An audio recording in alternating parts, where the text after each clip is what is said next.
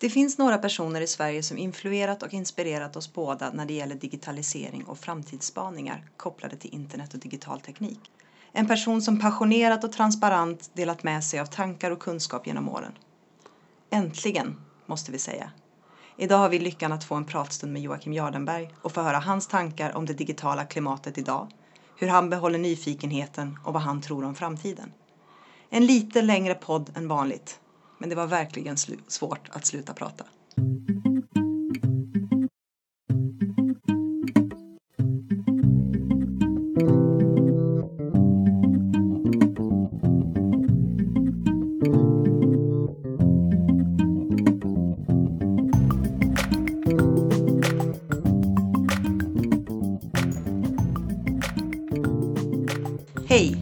Här är podcasten Social by Default och precis som alltid är det jag, Sara Larsson Bernhardt, som tillsammans med Deeped Niklas Strand driver den här podden.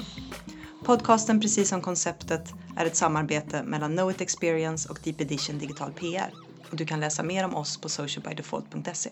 Om ni vill kommentera avsnittet eller har idéer för framtida avsnitt, twittra med hashtaggen socialbydefault eller prata med oss på vår Facebook-sida. Podcasten sponsras självklart av våra patrons och den här podcasten vill vi särskilt tacka V Hotell i Helsingborg för att vi fick låna deras fantastiskt mysiga vinkällare för att spela in podcasten. Hej Sara! Hej Niklas! Hur är det? Det är bra. Hur mår du? Jag mår okej. Okay. Mm. Jag är fortfarande förkyld. Envis förkylning där. Ja, du har varit det ett tag nu. Ja. Var är vi idag? Eh, just nu så sitter vi faktiskt i ett litet rum i, eh, på vårt kontor på Knowit i Göteborg. Mm. Vi åkte från Åhus igår. Ja. Hela vägen hit efter att ha haft en eh, eftermiddag tillsammans med en av våra härliga uppdragsgivare. Precis, om eh, sociala medier och om webb. Mm och framförallt om customer experience. Customer experience är liksom webb och sociala medier och appar. Man behöver få ihop det nu. Det var väl egentligen vårt legacy. Nej men precis, för vi är ju mitt i en, en ganska snabbskridande framfart när det gäller digitalisering och vi är duktiga på att automatisera, vi är duktiga på att förenkla processer och göra snabbare flöden och någonstans så får vi inte tappa bort kundupplevelsen. Vi kommer prata väldigt mycket mer om det här snabba framåtskridande och så i intervjun mm. med Jocke. Så det lite, hänger verkligen ihop. Men innan dess, några korta grejer. Vad är på gång? Eh, vi har en slutspurt. Eh, ja. Det är ju verkligen rakt in i kaklet. Jag räknade ut att september månad så är jag på kontoret fyra dagar tror jag. Ja, Resten på resande fot. Ja.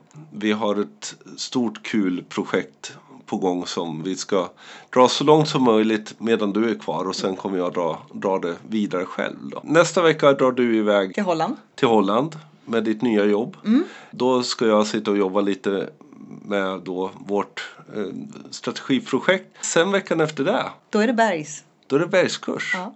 Och den är full. Den är jättefull. Och reservlista. Så det ja. är superkul. Så nästa kurs är i december. Mm. Kolla på Bergs hemsida om man vill gå den. Um, den kommer vi vrida lite på. Ja, för vi har ju någonstans nått en nivå på deltagarna som jag, vi vrider ju alltid kursen inför varje ja. omgång. Men nu har vi insett någonstans att nu får vi göra ett stort omtag, både för, för vår egen skull ja. och faktiskt för att driva det ännu längre, mm. ännu mer mot framtiden.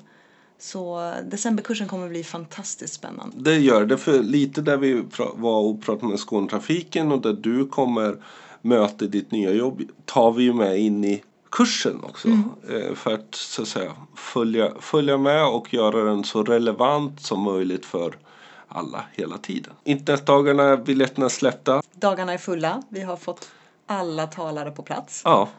Och eh, använder man IND17 som rabattkod så kan man eh, få eh, lite procent billigare. billigare. Den är ju inte så dyr, internetdagarna, Nej. mot det du faktiskt får ut av den. Så att, vi har sagt det förut, men vi säger det igen. Gå och prata med era chefer, visa dagarna, och försök komma för det är, det är två riktigt spännande dagar. Även om ni väljer att inte gå på våra spår så finns det otroligt mycket intressant att ta del av. Och väljer ni gå på vårt sociala mediespår på måndagen så kommer, en, kommer i då panelen av gamla dinosauriepanelen som vi har kallat den. Helt enkelt så kommer Jocke Jardenberg sitta och vi kommer prata om blev sociala medier som vi tänkte oss när vi startade där för tio år sedan. Och det kommer vi prata lite om även i den här intervjun som kommer här. Den här intervjun är ganska speciell för oss Kommer du ihåg när vi träffades första gången Jocke? Nej, jag gör faktiskt inte det. Var det i Almedalen eller var det tidigare? Nej, det var tidigare. 2007, på den första Disruptive Media-konferensen. Vi satt i ett litet konferensrum någonstans i Stockholm. Ganska heterogen grupp människor som skulle prata om det här sociala medier. Det var liksom, Facebook hade ju bubblat igång. Det kom en ganska ung kille och eh, berättade om sin nya byrå som de skulle bara jobba med Second Life. Det är då Johan Hedberg som numera är matgeek. Som då hade kommit på en affärsidé. Vad taskigt att outa Johan på det viset. Sen då längst bak satt en eh, långhårig man i en hipsliten gul tischa som hela tiden ställde genomtänkta frågor. Och det var då Jocke. Och sen dess har allt gått vidare ju och eh, vi har hängt i snart tio år. Mm. Bror. Så är det. Mm. Under sommaren startat En sak idag, hashtag En sak idag och blivit då daglig vloggare. Och där allt om digital utveckling känns som du tar upp så otroligt spännande format. Och sen är du en av pionjärerna inom internet i media. Vill man veta mer om det så tycker jag att man ska lyssna på intervjun från Internetmuseum. För den är, den går, är ingående på hur det gick till när media fick internet. Ja, vi behöver ju inte alltid snacka om hur jävla gammal jag är så att vi kan prata framåt istället. Kul att du var här. Jättekul att vara här. Ja. Vad kul att ni är här i Helsingborg. Jag träffade dig för sex år sedan, första gången. Mm, och det tror jag kommer ihåg när det var. Mm, batterien föreläsning. Just det, i Göteborg va? Mm. Du lyckades någonstans få mig att ifrågasätta, för jag jobbade ju i reklambranschen då, allt det vi gjorde och insåg att vi kommer vara så körda om vi fortsätter på det här sättet. För då pratade du om framtiden, du pratade om sociala medier, du pratade om den nya typen av kommunikation och jag insåg att det här är någonting som jag vill jobba med. Mm, jag har för mig att jag kommer ihåg, du kom springande, jag, var, jag hade bråttom därifrån och du kom springande efter. Och jag kommer inte ihåg exakt vad du sa men det var någonting som bara lös så här i ögonen. Liksom så, du, precis som du hade, du hade sett eh, ljuset lite grann. Och då var det inte jag som var ljuset utan det var liksom den här förändringen som, eh, ja men det kändes att det gungade lite grann under fötterna på dig där. Mm, Kul! Det var en otroligt fascinerande och väldigt omtumlande dag. Och någonstans ett vägval för mig. Men visst är det det som är de här riktigt underbara stunderna i det jobbet som alla vi tre gör när man märker att man faktiskt på allvar går in och förändrar någons uppfattning om saker och mm. ting eller kanske till och med ett helt företags uppfattning om vad de pysslar med och vart de är på väg och vad de borde göra. Så där, när man, när man liksom nästan hör den här poletten trilla ner, va, det, är, det är häftigt. Hur gör du för att hålla kvar den liksom, känslan av att vilja göra det hela tiden? Ja, men jag tror nog att det handlar om att jag själv är så oerhört fascinerad och upplyft av den här utvecklingen. Alltså, trots att det emellanåt spårar lite snett och händer dåliga saker och tråkiga saker så är det ju ändå liksom, det finns ju inte en bättre tid att leva i än den tiden vi lever i nu. Jag vaknar ju faktiskt varje morgon och inför att jag ska göra de här en sak idag så är det liksom, det är, det är så mycket underbara, spännande, intressanta grejer som händer. Så hur fan kan man tröttna på det liksom? Hur kan man inte orka? Det är världens energikick. Och jag, liksom den här känslan av att det finns saker kvar som jag inte vet. Och jag, jag är helt övertygad om att jag kommer kunna vakna varenda dag livet ut här och bara vara övertygad om att det finns nya saker att lära idag.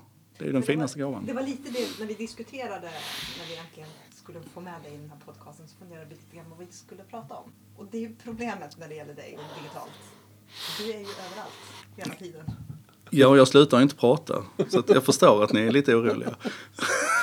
Hur, men om, vi, om vi tar då en sak idag till exempel. Hur researchar du? Var, varifrån får du, liksom, för vi andra ligger ju och sover. Vi dödliga människor sover ju på natten. Var någonstans hittar du dagens ämne? Alltså för det första så är jag ju lite, ska man säga, jag har ju en, en lista med hundra tekniktrender som jag följer. Och då har jag satt upp en, en Google News-sökning på de, de 100 trenderna och den växer ju hela tiden så jag tror det ligger en eh, 700 nyckelord eller någonting i den sökningen nu. Och det betyder att Google News hjälper mig att få fram en, en bra bild. Sen har jag ett gäng bokmärken så jag öppnar ett 20-tal flikar i, i Chrome och så skummar jag igenom dem. Det är alltifrån vissa Reddit, vissa subreddits som jag håller koll på för jag vet att där är det intressanta grejer på gång just nu. Det är Hacker News naturligtvis. Det är självklart också TechMeme för att vara säker på att jag inte missar någon av de, de stora grejerna som bubblar upp. Hela vägen ner till lite mer obskyra sajter som I fucking love science som jag tycker är kul att hålla ett öga på bara för att de är så duktiga på att vrida till det och sådär. Men det är ett, ett ganska brett nät jag kastar ut. Men allting är egentligen centrerat runt de hundra tekniktrenderna som jag hela tiden håller koll på. Vad var det som fick dig att testa? Det var att jag, jag satt ju i Palma en månad och isolerade mig fullständigt. Jag lämnade familjen hemma, jag tackade nej till alla som ville träffas och satt där en månad för att jag skulle skriva. Och efter tre veckor ungefär så fick jag sån fruktansvärd mental lappsjuka. Liksom. Jag kräkte på det här med att sitta själv med mina egna tankar. För att är det någonting som, som jag älskar med att, att kommunicera utåt så är det ju responsen man får tillbaka. Och jag lär mig ju så mycket. Varenda gång jag kastar ut en, en sak idag så får jag ju kommentarer tillbaka med tankar som jag aldrig hade tänkt, länkar som jag inte har sett. Så. Och, och, det, blev, det, blev liksom, det blev för mycket att sitta där i sin egen bubbla en hel månad. Så att, och så sammanföll det om att LinkedIn gick ut och, och berättade att de skulle börja med video. Och jag fick tidigt access till det så jag tänkte, ja, men då, då kör jag väl det. Och sen så nästa tanke omedelbart var ju varför bara göra det på LinkedIn? Varför inte göra det på Facebook och YouTube så att jag kan benchmarka plattformarna mot varandra och äntligen börja göra någonting på YouTube. Och lite som du var inne på Niklas, han när fan blir gammal blir han vlogger liksom. jag, jag var ju tvungen att testa det formatet också. Och sen är det ju liksom när man börjar den här vandringen liksom så här ut i ett nytt format, ut i ett nytt koncept så händer det ju saker hela tiden. Jag, fick lägga en stund på att gräva hur jag kunde. För jag, jag tänkte det måste ju finnas något sätt att få en YouTube-spellista och bli någonting som går in via iTunes och blir podd liksom och sånt. Så fick jag gräva lite grann i det och hitta någon som hade hackat ihop ett skript och så fick man nörda lite grann. Så. Och sen köpa nya grejer. Och... jag vet inte om Kattis lyssnar på detta men jag har inte köpt en enda ny pryl. Eh, för, för att det är bara gamla grejer och sånt som låg i skapet. Nej men det är väl För klart. man måste ju göra bättre bild och bättre, så är det ju. Jo, men så, alltså, det är ju en del av det. Alltså, en del av skapandet tror jag för, för oss är, är ju också både att skapa saker till men också för att verkligen få nörda och kunna göra bättre och se finns något sätt att göra det roligare, bättre, mer spännande, Mm. mer krispigt. Liksom. Och det, och det där är ju också så, det är ju en del av det som är utforskandet och nyfikenheten. Mitt första jobb det var ju på Sveriges Television i Malmö. Jag vet ju vad det krävdes att producera TV på den tiden liksom och, och vad, liksom, vad, en- vad en livesändning krävde i form av människor och OB-bussar och grejer och sånt. Och då blir jag ju så otroligt fascinerad av att jag idag kan sätta mig ner och göra grejer som faktiskt har högre kvalitet till nästan inga pengar alls. Och då blir det ju också lite kittlande sådär. Det är kul. I ditt avsnitt när du pratade om Tinder Gold eh, så var det mycket diskussion just att ja, men det handlar om att kunna skapa sig egentligen en omkörningsfil för att få en bättre tjänst, vilket vi ser mer och mer. Är det någonting vi kommer se och framförallt i det stora, hur, hur mår egentligen internet? Jag blev ju lite ledsen när jag i uppföljningen av den artikeln, eller den, den postningen om Tinder Gold sen kunde se att de, de toppar ju grossinglistan i, i iTunes nu. Alltså det, det är ju en, en ekonomisk succé för dem. Det är en kommersiell och kapitalistisk succé av rang. Och jag tycker det är, lite, det är lite synd. Jag skulle ju verkligen vilja att vi ändå hade ett internet fortfarande som drevs av lite andra värden än den, den krassa kommersialismen. Ehm, mm. Men samtidigt, hur länge orkar man vara idealist? Liksom? Man, får ju, man får ge efter för den krassa verkligheten också. Men, men så här, internet är ju inte en entitet skulle jag säga. Utan internet är ju, är ju egentligen allomfattande idag. Va? Och då är det ju klart att samtidigt som, som Tinder då kanske drar iväg i, i en riktning och andra tjänster drar iväg i riktningar där du kan köpa dig före. Jag menar Pokémon är ju också ett exempel där du antingen kan slita som ett djur för att levla va? eller så kan du köpa dig en del av de här finesserna som gör att du, att du snabbare levlar och, och får en liten en snabbfil. Och sådana exempel finns det gott om. Så finns det ju faktiskt också ett parallellt internet där, där fortfarande pengarna inte spelar roll, vill jag hävda. Var hittar du det? Ja, men runt ganska mycket av det som händer i, i poddvärlden till exempel där det finns en, en del eh, poddar skulle jag säga som är, är icke-kommersiella men som är eh, oerhört inflytelserika. Ja, men överhuvudtaget i den, i den sociala kontexten på nätet så tycker jag fortfarande att det finns möjlighet för den som bara har en bra sak att berätta eller en, en bra story att föra fram och ta plats.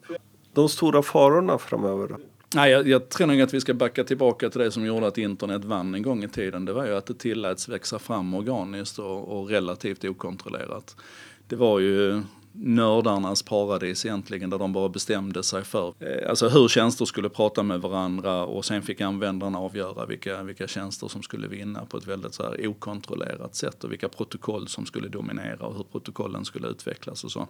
Nu känns det ju som att man håller på i takt med att internet har blivit mer betydelsefullt att man liksom hämtar hem allt det här. Det ska mm. in under en nästan överstatlig kontroll och så. Det, det tror jag är oerhört problematiskt för att det kommer att, eh, det kommer att hindra lite grann den här, den här fria, jag ska inte säga guldgrävarkänslan, men säg den entreprenör, entreprenöriella andan liksom på internet när det blir för kontrollerat. Jag är, övervakningsbiten till exempel, jag tycker den är oerhört problematisk. Mm. Men om vi ska vara realist, går det att gå tillbaka till det som var innan?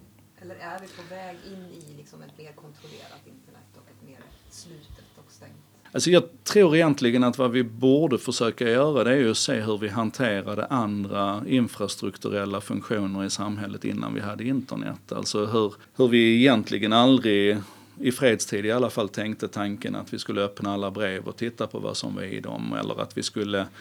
Jag, jag tror egentligen att vi har facit på hur ett, hur ett internet skulle kunna se ut och fortfarande samexistera i samhället. Vi blir så här lite... Delar av samhället blir lite tekniskt klåfingriga när de får möjlighet att, att gå in och, och eh, hitta quick fixes på, på problem. Jag menar vi kan backa hela vägen tillbaka till 2001 med, med 11 september och, och hur egentligen allting sen dess har kunnat ursäktas med kampen mot terrorismen. Och, och så fort du försöker liksom driva någon, någon frihetlig linje oavsett om det handlar om nätneutralitet eller innehållsneutralitet eller vad det nu är för någonting så, så kommer liksom det som en, en smäll att ja, ja men vi måste ju kämpa mot terrorismen liksom. Så det är trasigt. Är det någon slags bortförklaring? Ja, jag tycker det. det är en, eller kanske inte bortförklaring, för jag tror inte att de flesta, förutom den nuvarande amerikanska presidenten, är, är speciellt onda människor. Utan jag tror mer att det är att man blir lite eh, förblindad av liksom, någon slags nyttoeffekt som man ser i att kunna gå in och lyssna på allt och övertro i vad det kan leda till och så. Men om det går att gå tillbaka? Nej, men det går kanske att bromsa utvecklingen lite grann. Jag tror att det går att hindra den, den kontroll man är som man är på väg in i. Men vem är det som ska driva det i så fall med tanke på att det finns så pass många aktörer som kanske inte är intresserade av just det öppna och fria? Alltså det, det, där är väl det politiska systemets svaghet egentligen. Att, eh, det är svårt att få utrymme för en sån pass, så pass komplex fråga i det här. Utan där får vi väl jobba med de enskilda beslutsfattarna helt enkelt. Att, eh, att ge stöd till en sån som Fredrik Federley eller ge stöd till en operatör som Bahnhof som försöker hålla emot. Att, att göra det vi kan i, i de, de individer som försöker driva frågorna. Jag var ju engagerad i Piratpartiet och det var ju många som var det under en period och det var ju just det här att man, jag var beredd att under en, under en under en period i vår långa historia sätta andra frågor åt sidan. Vi hinner liksom inte förstöra sjukvården på en eller två mandatperioder. Vi hinner inte liksom kvadda hela försvaret på en eller två mandatperioder. Men vi hade behövt en eller två mandatperioder för att bygga liksom en, en ram runt och säkra upp vårt, vårt internet. Och då tyckte jag att vi behövde ett parti som fattade internet. Men det var ju ganska naivt. Ett av de st stora problemen kanske som dels stör mig men samtidigt kan fascinera mig är någonstans att men de som kanske mest ändå pratar om frihet och integritet och så är de är Apple. Som, som ändå står upp för det, ser till, ställer sig och ställer emot att få komma åt även uppenbara terroristers grejer. Nej, det, för, det här är en, ett sluttande plan. Ja, can of worms som de uttryckte det också. Ja. Liksom, öppnar vi den här boxen så... Mm. Ja,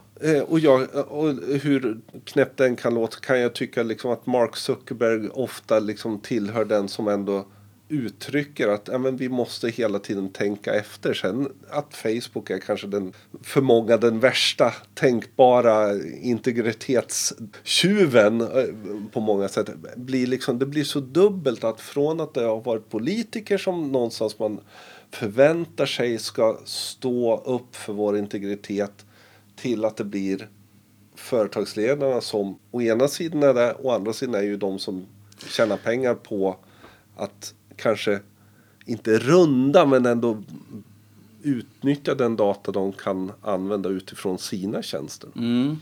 Men ett par saker om det. För det första så är det ju, det är ju tyvärr inte Mark Zuckerberg som, som skriver de svenska lagarna. Och där vi, kan liksom inte, vi kan inte komma ifrån att vi, att vi behöver en politisk påverkan i de här frågorna också. Sen när man läser Suckens manifest och sådär så önskar man ju att han skulle bli nästa president i USA. Det är väl rätt uppenbart att han jobbar i den riktningen tycker jag. Kritik, ja, och många gånger berättigad kritik. Men jag tror att det är två saker där som vi måste hålla i huvudet. Och det ena är att, att Facebook idag är ett gigantiskt företag. De är 2,1 miljarder användare. Jag vet inte hur många anställda de har nu, 40 000 eller något. Ja, alltså det är, det är stort, det är rejält. Och, och ett företag med naturligtvis väldigt många olika verksamheter. Det är ju klart att de gör fel ibland, det är klart att de går för långt.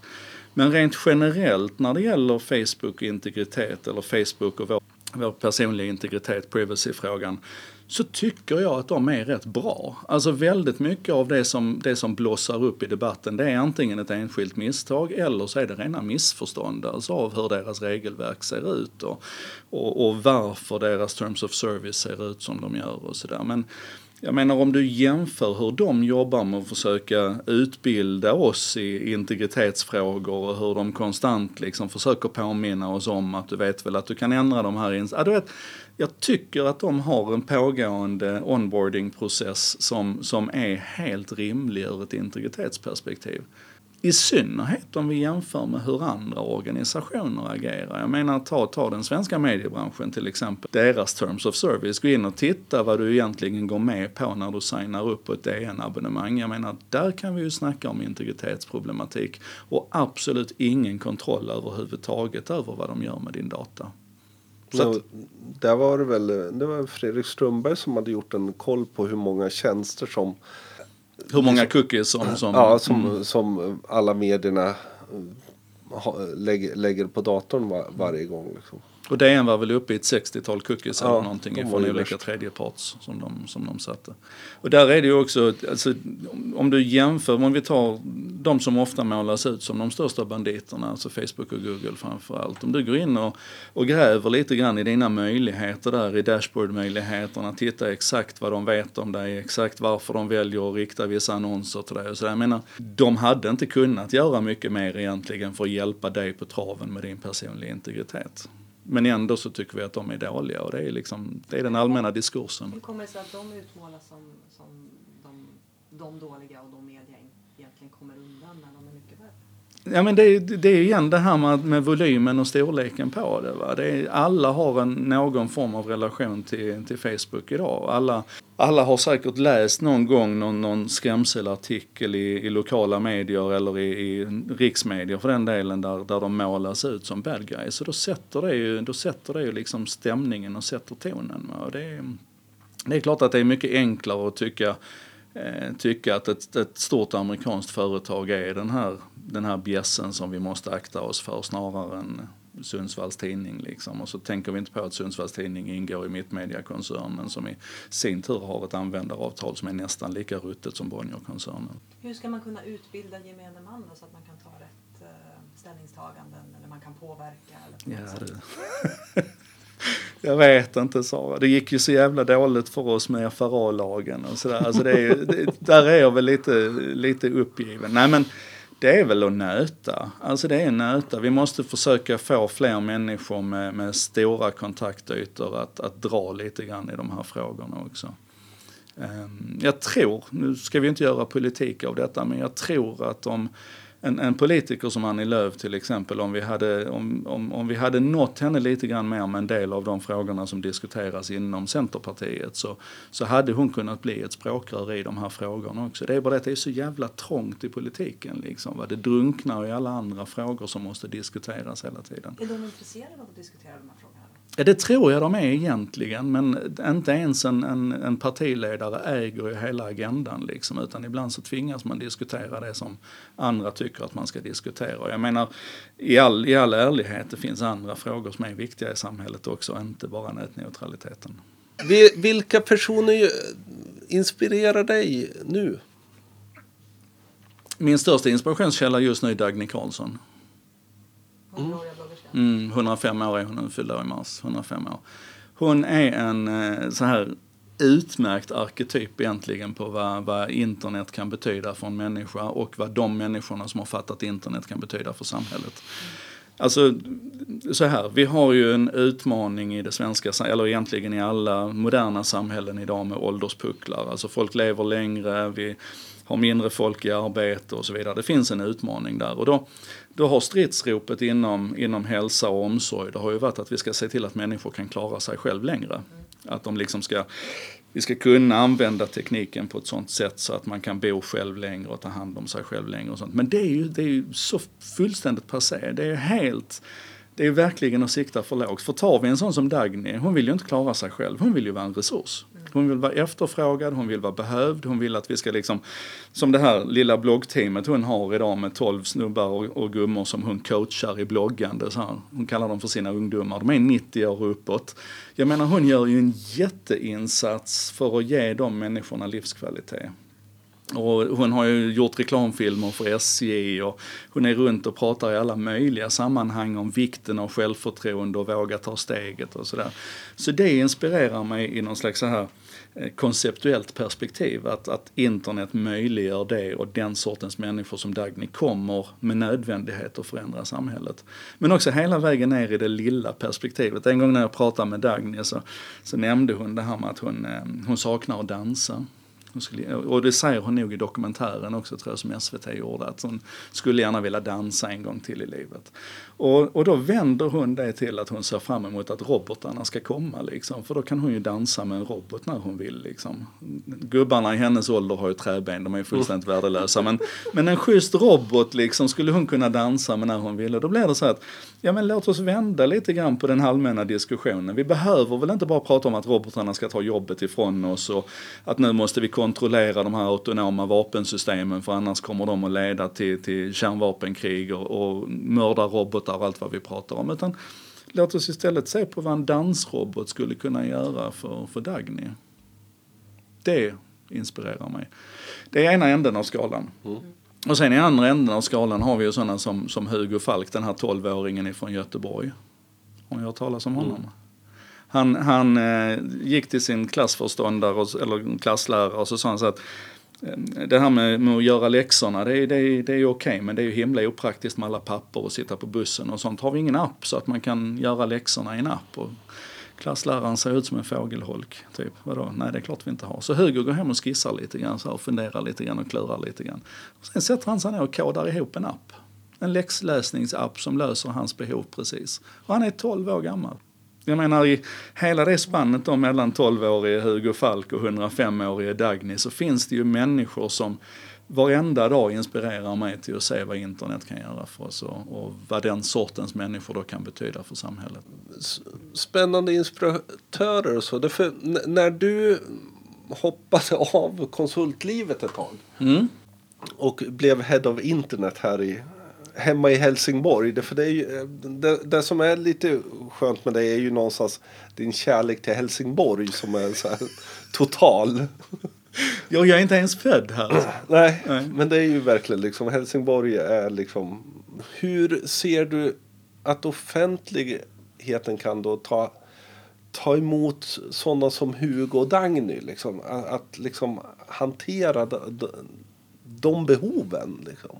Det är världens enklaste grej egentligen och det är att staden ska gå från att vara nationalencyklopedin, alltså den här, den här organismen eller organisationen med en massa professionella som ska leverera och leva upp till de önskemål och behov som medborgarna har, till att bli Wikipedia istället. Alltså staden ska vara en plattform organisationen i en kommun ska, ska fungera som en möjliggörare. Den ska inte göra allt, men den ska göra allt möjligt. Är du med? Den ska, alltså, mm. den ska vara den här, den här eh, plattformen där, där Dagny kan komma med sina resurs, alltså komma som en resurs och en, en, en, någon med behov. Och så kommer Hugo från andra hållet och, och är en resurs på ett sätt och, och, har andra behov. Och så fungerar staden bara som den här, den här Wikipedia-plattformen egentligen där, där alla kan bidra. Jag älskar ju Wikipedias vision. Imagine a world in which every single human being can freely share in the sum of all knowledge. That's our commitment. Jag menar, om du tar en sån vision och, och breddar den lite grann och applicerar den på annat än bara kunskap, då har du ju kommunen där. Kommun står ju för kommunis, att, att göra tillsammans. Och det är ju precis det vi behöver börja göra. Så att invånarna i staden ska ju inte vara en resurs bara när de betalar sin skatt och de ska inte bara påverka vart fjärde år när de röstar. Utan det här ska ju vara en, en plattform för hela det här möjliggörandet. Då jävlar. Mm. Och hur går det? Trögt. Nej, men så här, en av sakerna jag älskade i Helsingborg det var ju att, att här, är, här bor 137 000 människor och 13 000 är på olika sätt anställda i koncernen Helsingborg. När du får den, den organismen, den här, den här kroppen liksom, att börja röra sig i en och samma riktning. Då är det en otrolig kraft i det. Det är superhäftigt att liksom vara med i den rörelsen. Men det är svårt att få igång den rörelsen. Det är liksom, det är, jag hade en dröm när jag började i Helsingborg att det skulle vara ungefär som ett, ett fiskstim. Du vet, hela, hela stimmet liksom bara vänder på en femöring och drar iväg i en riktning. Liksom. Antingen för att det finns mat där eller för att det finns en haj där. Men det funkar ju inte så i praktiken. Så att eh, jag tror det behövs lite tålamod. Jag tror att det behövs att lite nya generationer, jag hatar ju att prata om internet som en åldersfråga, men det finns ändå attityder som är mer eller mindre cementerade generationer. Jag tror att vi behöver en generationsväxling här där vi kommer in i ett, i ett annat tankesätt. Men i de här visionerna, finns det risk att, att de eller ni eller vi som är pionjärer har en tendens att springa för? Självklart, men det är också vår förbannade skyldighet egentligen att göra det. Jag menar om, om, om ingen springer för fort, om ingen liksom tvingar fram de här diskussionerna som ska, som ska leda någon vart, då, då landar vi ju i en av mina ensaker idag, det här skillnaden mellan Hyperloop som siktar på 1000 mm. km i timmen om tre år och vi som inte ens förmår drömma om 320 km i timmen 2070 utan vi måste dra ner det till 250 km i timmen för att så ser praktik... Alltså, om, om alla hade resonerat så, då hade vi ju aldrig kommit någon vart. Va? Så att det handlar nog mer om att man i, i samtalet sen har respekt för att man kommer ifrån olika platser och har olika roller i den här diskussionen. Jag får inte, vilket jag kanske gör ibland, idiotförklara Trafikverkets generaldirektör för att man kommer med det här 250 km i timmen. Och jag tror att jag sa det också, att just nu så fattar man liksom den, det beslutet på ganska goda grunder. Så att respekt för varandras uppfattningar men, men ehm, det är väl klart att vi måste tillåta oss att springa iväg lite också. Men där är väl också en, en viktig del. Därför de senaste åren har, eller, har väl du och jag ibland suttit på händerna och eh, inte sagt vad var det vi sa. Mm. Därför jag vet att du någon gång har, då och då så brukar jag skriva till dig och säga men vad fan. det här sa vi för... Gamla gubbars chatt liksom. Ja precis. Är du Statler eller Waldorf? och, men men ja. det, det jag tänkt, det för du sa det också någonstans att ja, men det är viktigt att vi som sa det för tio, för sju år sedan. För, inte liksom så här, mi, mi, mi, mi, utan okej, okay, vad bra. Mm. Nu har ni börjat fatta. Mm. Hur går vi vidare härifrån? Eh, och det, ganska viktig insikt som jag fick där. För, eftersom man lätt blir liksom så lite trött. Liksom. Mm. Och det där, det där finns det ett väldigt konkret exempel på. Jag älskar ju de här gamla internetskäggen. Alltså, ja ni vet vilka ja. de är.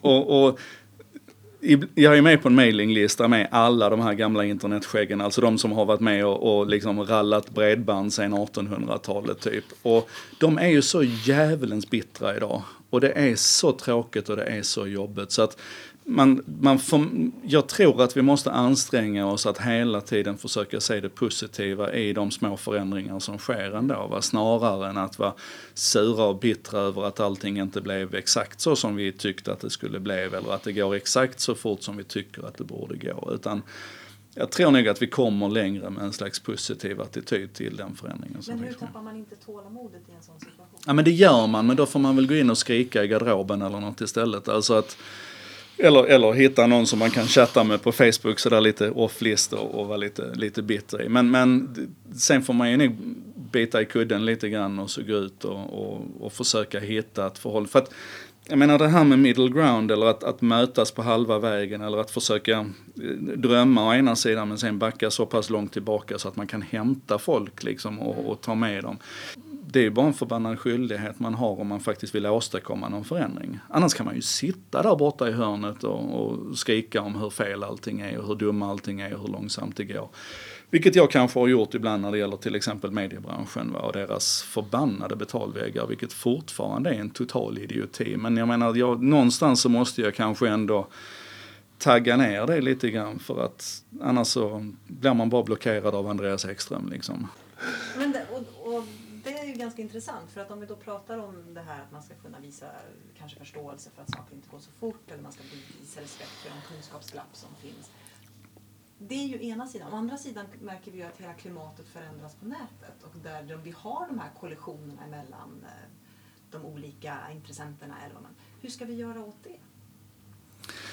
Jag vet inte. Jag menar polariseringen överhuvudtaget är ju en, en gigantisk utmaning idag. Den eldas ju på, men inte minst av liksom mediebranschen och, och och skapar en jävligt konstig diskussion. Jag tror det enda vi kan göra det är väl att försöka hitta långformformaten. Alltså att, att, att hitta de här stunderna och göra det jobbet som ni gör till exempel med Social by Default. Att, att ja, göra jobbet helt enkelt. Jag vet inte. Det, hade, hade jag haft någon magisk switch liksom, där, men jag har inte det tyvärr. Social... Nu blev det deppigt igen. Ja, precis. sociala, sociala medier, men du, du är ju en av dem tillsammans med mig som antagligen har konton på flest ställen. Mm. Eh, eftersom man måste testa allting. Men hur, hur liksom idag, eh, hur ser din användning ut idag av sociala medier? Var får du nyttan och var får du glädjen och var får du andra saker? Alltså pratar vi specifikt sociala medier så måste jag erkänna att jag har, eh, jag har valt att backa undan från en del tjänster. Jag menar Snapchat till exempel, jag vill nog påstå att jag fattar hur tjänsten funkar och jag förstår varför den växte och jag kan liksom hålla en en intelligent eller en hyfsat intelligent konversation igång om vad Snapchat är och dess företräden och sådär. Men för mig personligen så, så var inte det någonting som jag kunde lägga tid på. Det, liksom, det, det funkar inte för mig. Likadant med Musically till exempel. Jag tror att jag... Åh, det hade jag velat se. Jag, har du inte sett mitt Musically-konto? Jag vet i alla fall att det heter Musically och inte Musically som alla envisas med att säga. Se där, så att lite så. Nej, men för mig är det så här. Facebook är faktiskt min, min absolut viktigaste kanal idag. Både för att när jag publicerar saker så är det där det blir mest respons tillbaka och det är där det blir en, en, en, en, en relevant diskussion oftast. Eh, men också för att det finns underbara grupper där. Jag menar en grupp som som Carl Heath och Anders eh, Thoresson har, har skapat den här digital samhällskunskap mm. till exempel. Den är, den är makalöst bra. Jag menar där finns ju de samtalen vi, vi efterlyser. Mm. Och det är så intressant att se också att även om det ibland bränner till lite grann där och någon drar en säkring så är det ju aldrig så att vi eldar ner hela huset där liksom. Utan där hittar vi ändå en, en, ett diskussionsklimat som är, som är bra. För du var ju ganska aktiv på Twitter när när jag lärde känna dig. Ja, jag har ju... Det var väl kanske den starkaste plattformen då, men där känns det som att du har backat lite. Ja, jag, har, jag tror jag har 36 000 följare eller någonting på Twitter. Det är helt bisarrt. Eh, och absolut noll utbyte av den plattformen skulle jag säga. Jag använder, jag använder Twitter lite grann för min omvärldsbevakning. Jag har ett par listor, jag följer den. Och, och när det bränner till någonstans i världen så är ju Twitter snabbt och bra. Men som det här gamla eh, forumet för konversation och, och, dialog och sånt. Det har ju alltid varit krångligt på Twitter men, men nu är det ju bara fruktansvärt. Alltså där är ju ett klimat som är, ja usch vad tråkigt det är. Dels klimatet, sen kan jag tycka att Twitter har förstört det själv genom att hela deras nya trådningssystem kan inte jag förstå längre. Nej, nej, nej det, är, det är obegripligt. Det är nästan lika obegripligt som Instagrams flöde idag tycker jag. Förmodligen är det så här, jag menar det är många som klagar på Facebooks algoritmer och tycker att de får ett dåligt flöde där. Jag tycker jag har ett fantastiskt flöde på, på Facebook och det är ju förmodligen för att jag har det som min aktiva plattform. Det är där jag interagerar, det är där jag uppfostrar algoritmen, det är där jag tämjer bästen. Liksom. Så det funkar jättebra för mig. På, på Instagram så tycker jag mest att jag ser skräp liksom. För att jag, alltså ur mitt pers- inte, inte skräp i någon slags objektiv bemärkelse men, men sånt som inte är av speciellt värde för mig. Och det är förmodligen för att jag inte lägger lika mycket kraft och energi Men på att tämja den bästa. Vi behöver ju uppfostra våra Ja. algoritmer för att de ska ge oss det vi vill se. Yes. De får ju oss att ändra beteende. Mm. Och det är förmodligen samma sak med, med Twitter i någon mån. Va? Att de som fortfarande har det som sitt, sitt huvudsakliga forum och som engagerar sig där och, och retweetar och likar och, och ligger i. Va? Kanske det är ett, ett annat värde idag. Men för mig som relativt bara så doppar tårna i den plattformen idag så är det, är det jobbet. Vad tror du Twitter tar iväg om ett par år?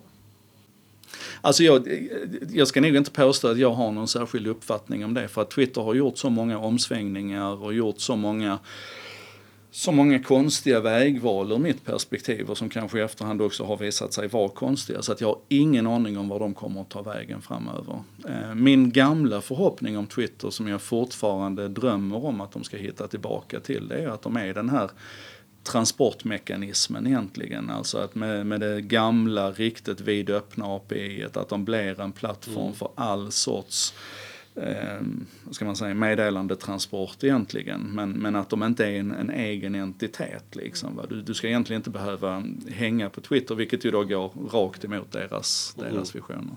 Under sommaren har du pratat mycket olika tekniker. Det har varit äh, prata med maskiner och det är självkörande bilar och det, det är liksom hela, hela kittet av liksom. Vad är det som är mest spännande? Brain, brain to computer interface. Alltså när vi, idag så är det ju fortfarande väldigt mycket halabaloo runt att vi ska prata med prylarna och att vi ska liksom interagera med rösten. Och i någon mån så finns det ju fortfarande en, en idé om att vi ska interagera med gester och, och kinetic och, och allt vad det är. Men allt det där är ju egentligen en, en transport på vägen mot att, vi, att, att interaktionen sker direkt mellan hjärnan och maskinen. Om du tittar på hur, hur resan har sett ut, där vi hade, vi hade ju PCn på bordet liksom så här va? och så, så fort vi fick möjlighet att bära den med oss i fickan istället så valde vi ju det. Och, och nu är vi väl relativt övertygade om att om vi kan kommunicera med, med prylen utan att, att peta på den eller titta på skärmen så kommer vi att välja det. Vi söker oss emot mindre och mindre friktion i, i gränssnittet mot prylen. Och då är det ju klart att det logiska steget är naturligtvis att vi får ett, ett interface rakt in i hjärnan istället. Och då är det många människor som, som, ja, som rynkar på pannan lite grann och, och tycker att det där, är, det där är otäckt. Och det är ju klart att det finns en, en, en scary aspekt i det.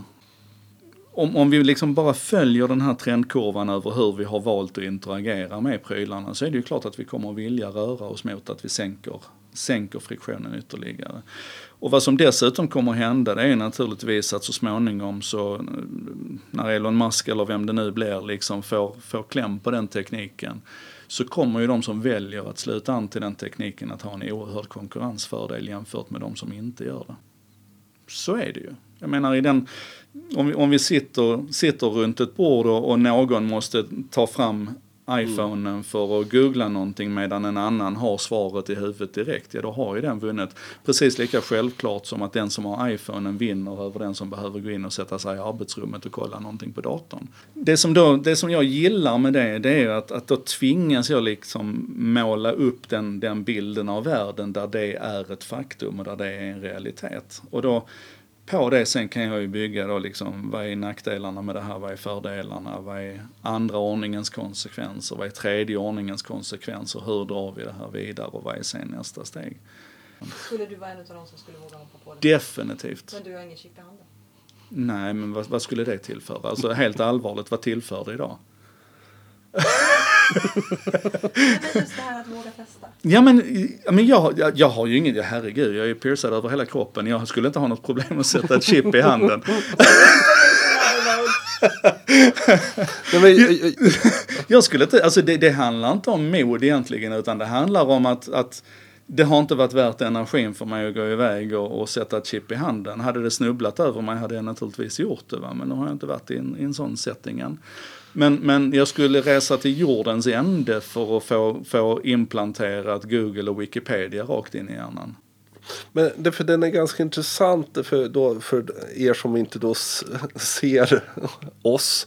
Så Sara då som då har chip och som är ganska positiv till, till biohacking. Är extremt skeptisk till den här. Varför är det där Sara? Nej, men jag, dels har jag egentligen inte så mycket på fötter. Bara, bara, utan det är mer en personlig känsla. Ja, men du får killgissa lite. Nej, men jag tänker just det här om man går tillbaka och tittar på hur, hur hela fake news-biten har kommit. Alltså allt det här felaktig information, felaktiga nyheter, folk som kan medvetet plantera saker för att... Alltså det för mig skrämmer, för vad är det som säger att just den informationen som jag tänker i min hjärna då som ska kopplas är den rätta? Jag tror att det kan finnas en väldigt stor risk att man kan manipulera människor på ett sätt som man kanske inte kan om man behöver gå till Wikipedia och slå upp det som finns tryckt i boken. Det är väl där någonstans som jag känner att... Du är en liten ludit. Men, men du, du, du frågar ju mig innan så här, kan vi verkligen gå tillbaka? Då är ju frågan om, liksom, om vi inte redan har tagit det steget, att vi har den effekten. Det är bara ett frick. Det, det är lite grann så här, många, många som pratar om, eh, om öppna data idag mm. menar på att det är en, det är ett problem när vi skapar den tillgängligheten. För att när du kan börja när du, när du får fri tillgång till den informationen som du egentligen har tillgång till enligt offentlighetsprincipen, men när du på ett datoriserat sätt får tillgång till den informationen så kan du börja göra farliga saker. Därför så ska vi akta oss för liksom öppna datarörelsen. Men det man säger i, i andra andemeningen där då, det är ju liksom att, eller det som är andemeningen det man säger, det är att vi behöver den här trögheten i att saker och ting ska kopieras på papper och lämnas ut för att vi ska skydda den personliga integriteten. Jag tror inte att friktion och, och tröghet är bra kontrollmekanismer. Jag tror att det, det alltså, jag tror inte att det faktum att jag behöver läsa avpixlat eller samhällsnytt som det väl heter nu på, på skärmen istället för att få det in i hjärnan. Jag tror inte att det är en bra, liksom, den friktionen är en bra kontrollmekanism. Utan då tror jag hellre att vi genom att vi plockar bort en del av den friktionen frigör kanske energi och resurser att vara lite smartare i vårt urval. Eller att genom att vi har det rakt in i skallen så, så går det på en nanosekund för mig att dubbelkolla vad tyckte de här två smarta människorna på andra sidan bordet om den här artikeln istället för att jag ska behöva liksom gå in på din Facebook och säga har du skrivit någonting mm. om samhällsnytt och gå in på din Facebook och säga har du skrivit någonting om samhällsnytt. Så att genom att vi liksom där är jag nog en väldigt teknikoptimist faktiskt. Um, Men om man tittar på mänskligheten, ska man vara så optimistisk? Ja, jag tror vi ska vara det. Jag tror att det här eh, min förhoppning är att vi kommer att kunna använda den här eh, lägre friktionen till att göra, göra gott. Du drog till Palma under i princip hela sommaren bara försvann från och sen i och för sig började du dyka upp i ens vad heter flöden. Mm. Sådär. När kommer boken då? Jag vet faktiskt inte. Jag skrev... Du, du, har alltså brutit mot eh, vår gamla tanke om att det där att skriva böcker är helt meningslöst när det finns bloggar. Nej, alltså när du säger det så. Nej men så här, jag har skrivit 370 000 tecken. Jag tror att kanske 300 000 av dem håller för en, en hyfsad bok. Men jag vet inte om jag någonsin kommer att låta den bli utgiven. Bland annat för att det förlaget som jag hade ett, ett avtal med, ett stort gammalt förlag, krigar med dem just nu om det här med Creative Commons. De vill inte riktigt mm. fatta att jag vill släppa ut materialet fritt också samtidigt som de ska trycka det på papper och, och kränga det. Men också för att jag faktiskt, jag vet inte om det är mitt format liksom. Va? Jag, jag vet inte om jag Kattis tycker det är jätteviktigt att jag, att jag blir författare på riktigt, men jag vet inte. Det, skaver lite. Kul. Vi får då se om det blir författare också på eh, det minst sagt digra eh, visitkortet. Mm. Eh, sådär. Vi kommer såklart lägga... Och de som mot förmodan som lyssnar på den här eh, inte har koll på dig. Självklart finns en länk till Jardenberg-hubben som jag kallar. Där man liksom kan hitta allt om alla länkar och allting sånt. Eh, tack för att du var med. Det här kommer kan jag redan nu kommer lova bli vår absolut längsta podcast. Ehm, och det är skitkul. Men jag tyckte tiden gick så fort. kan vi inte göra en 24 timmar? Ja, just det. Gör en gammal Ronnestam. ja, precis. Jättekul att prata med er. Och tack för allt bra. Alltså jag tyckte det var lite svårt att sluta. Vi hade kunnat sitta där ett bra tag till. Så är det ju alltid med Jocke. Lång intervju. Vi tror att det var värt det. Ja, Eh, Så den här podden är ju, har vi ju dubblerat i längd mot något vi har gjort jag innan. hoppas ni tyckte om det. Jag hoppas att eh, framförallt Jocke men också vi lyckades förmedla nya insikter och tankar och lite andra perspektiv kanske på framtiden. Och det var det vi hade för idag. Så vi lägger in lite länkar i show notes och de hittar ni som alltid på podcast.socialbydefault.se. Glöm inte att prenumerera på vår podcast. Vi finns på iTunes, Soundcloud, Acast och Stitcher och det är bara att söka på Social by Default. Och än en gång, tack snälla V-hotell i Helsingborg för lånet av vinkällaren till den här inspelningen. Om ni gillar podcasten, ge den jättegärna betyg. Och vill ni göra oss riktigt glada, recensera den. Stöd oss gärna ekonomiskt via patreon.com socialbydefault. Alla, alla inkomster är välkomna. Allt kommer handla om att utveckla podcasten tekniskt och så att vi fler får veta att vi finns och sådana saker. Och som vi tidigare sagt, tyck gärna till med hashtaggen socialbydefault. och vill ni nå oss på Twitter eller Instagram eller vilket annat socialt nätverk som helst så heter jag Sanasi LB överallt. Och jag heter Deeped överallt. Tack för oss! Hej då! Hej!